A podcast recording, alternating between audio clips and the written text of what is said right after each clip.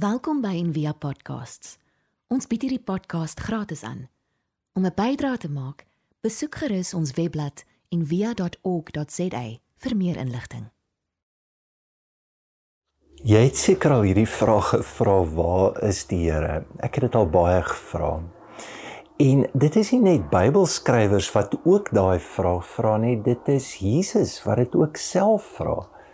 Waar is hy? Hoe hoe weet ons dat God nou by ons is? So ons gaan die volgende paar weke gesels oor dalk 'n vreemde titel, maar ons wil die reeks noem Maak Jesus vry. Want baie keer is ons idees, is ons verstaan, is ons konstrukte oor Jesus presies dit wat ons keer om hom te ervaar. Terwyl ek hierdie week nou voorberei, dink ek aan 'n vriend van my. Hy's nie in die kerk nie en hy het so na 4 jaar in ons vriendskap toe vra vir 'n Bybel en ek koop toe vir hom 'n message. En so 2 jaar na dit sit ons in die berge en hy sê vir my: "Toe, waar kry Jesus hierdie ongelooflike wysheid?" So sy woord was in die ongelooflikheid meer in Namakoland se taal daar gebruik. Maar wat my altyd raak is mense wat dalk buite die kerk is hoe hulle aangetrokke voel tot die lering en die lewe en die teenwoordigheid van Jesus. En hoe ons baie keer in die kerk wanneer ons oor Jesus praat amper weersin en 'n afstootlikheid bring oor Christus. Seker kom Jesus vra maar wie sê jy is ek? Want baie keer dit wat ons sê oor hom dis nie hy nie. En dat ons reis moet een wees van maar hoe hoe ervaar ek, hoe beleef ek en hoe groei ek in die teenwoordigheid van Christus. So die woorde wat Jesus nou sê, onthou ek is met julle tot aan die volëinding van die wêreld. Matteus 28 vers 20. Ehm um, nommer 1 as hy dit sê hy's dis die laaste woorde en ek bedoel as jy op jou sterfbed lê sê jy net die belangrikste wat daar is. So hier's die hier's die hart. Hier's die rede hoekom jy op hierdie aarde is. Onthou ek is met jou. So hoe is God met jou? En ek dink hoekom dit so belangrik was want hy praat nou mos met disippels wat lewe in die Ou Testament, die Nuwe Testament was nog nie daar en hulle verstaan was dat God is meer gelokaliseer. Hier verskyn hy dramaties. Kom ons bou 'n altaar, dis waar hy is. Dawid sal byvoorbeeld sê ek bou 'n huis vir die Here waarin die Here kan woon. So Jesus se hele lering was maar hoe is God teenwoordig op 'n nuwe manier. En eintlik moet hierdie ding gebreek word, jou verstaan. Jy jy sal Jesus moet vrymaak hier om Jesus hier te kan belewe en dit te kan ontdek. So ek wil miskien net drie dinge noem wat ons dalk kan help daarmee. Ehm um, in die eerste plek ek dink hoekom hy vir sy disippels sê onthou dit want dis wat hy geleer het en een van die groot goed wat hy geleer het is dat God is weggesteek. God is in die geheim. God is gekamoufleer. God is oral. Soos wat die psalmdigter gesê het, in die hemel op die aarde, in die doderyk en die see, en dit dit hy's hy's oral teenwoordig. En maar ons sien dit nie altyd nie en ons weet dit nie altyd nie. So die woord of die frase wat baie gebruik word vir hoe God in Christus teenwoordig is deur die Heilige Gees, is die woord die koninkryk van God.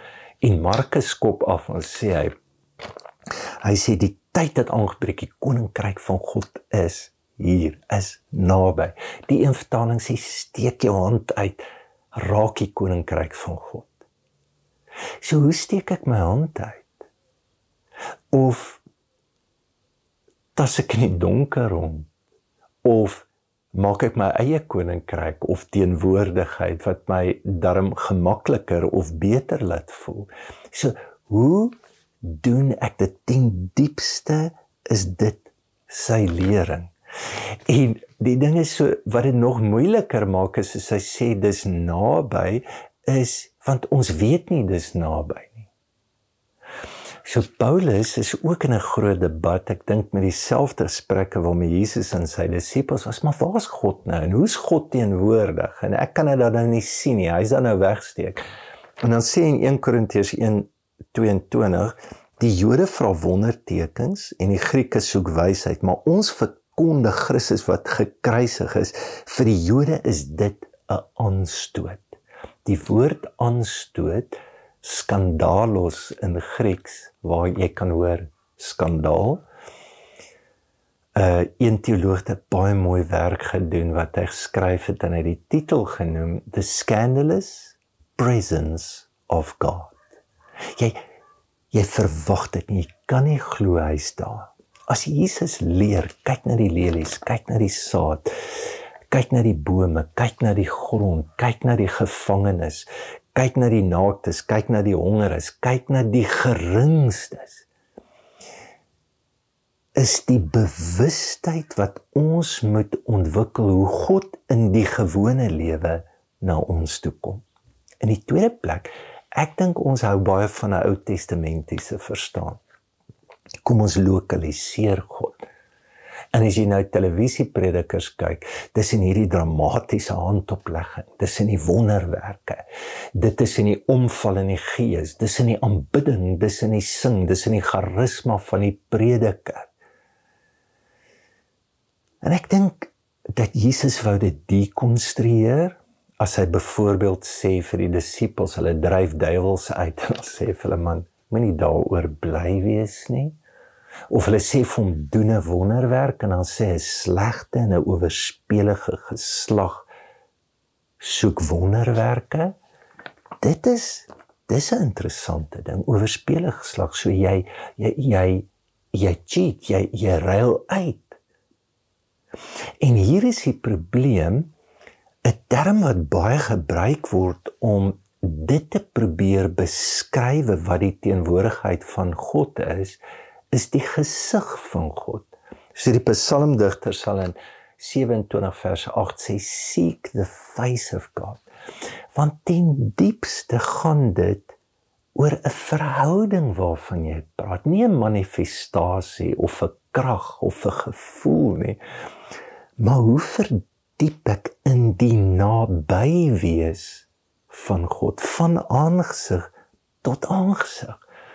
En ek dink ons almal het is so dankbaar na Covid want om net op 'n skerm of op 'n beeld te probeer ervaar wat werklik daar is verskriklik moeilik, maar hoe anders is dit?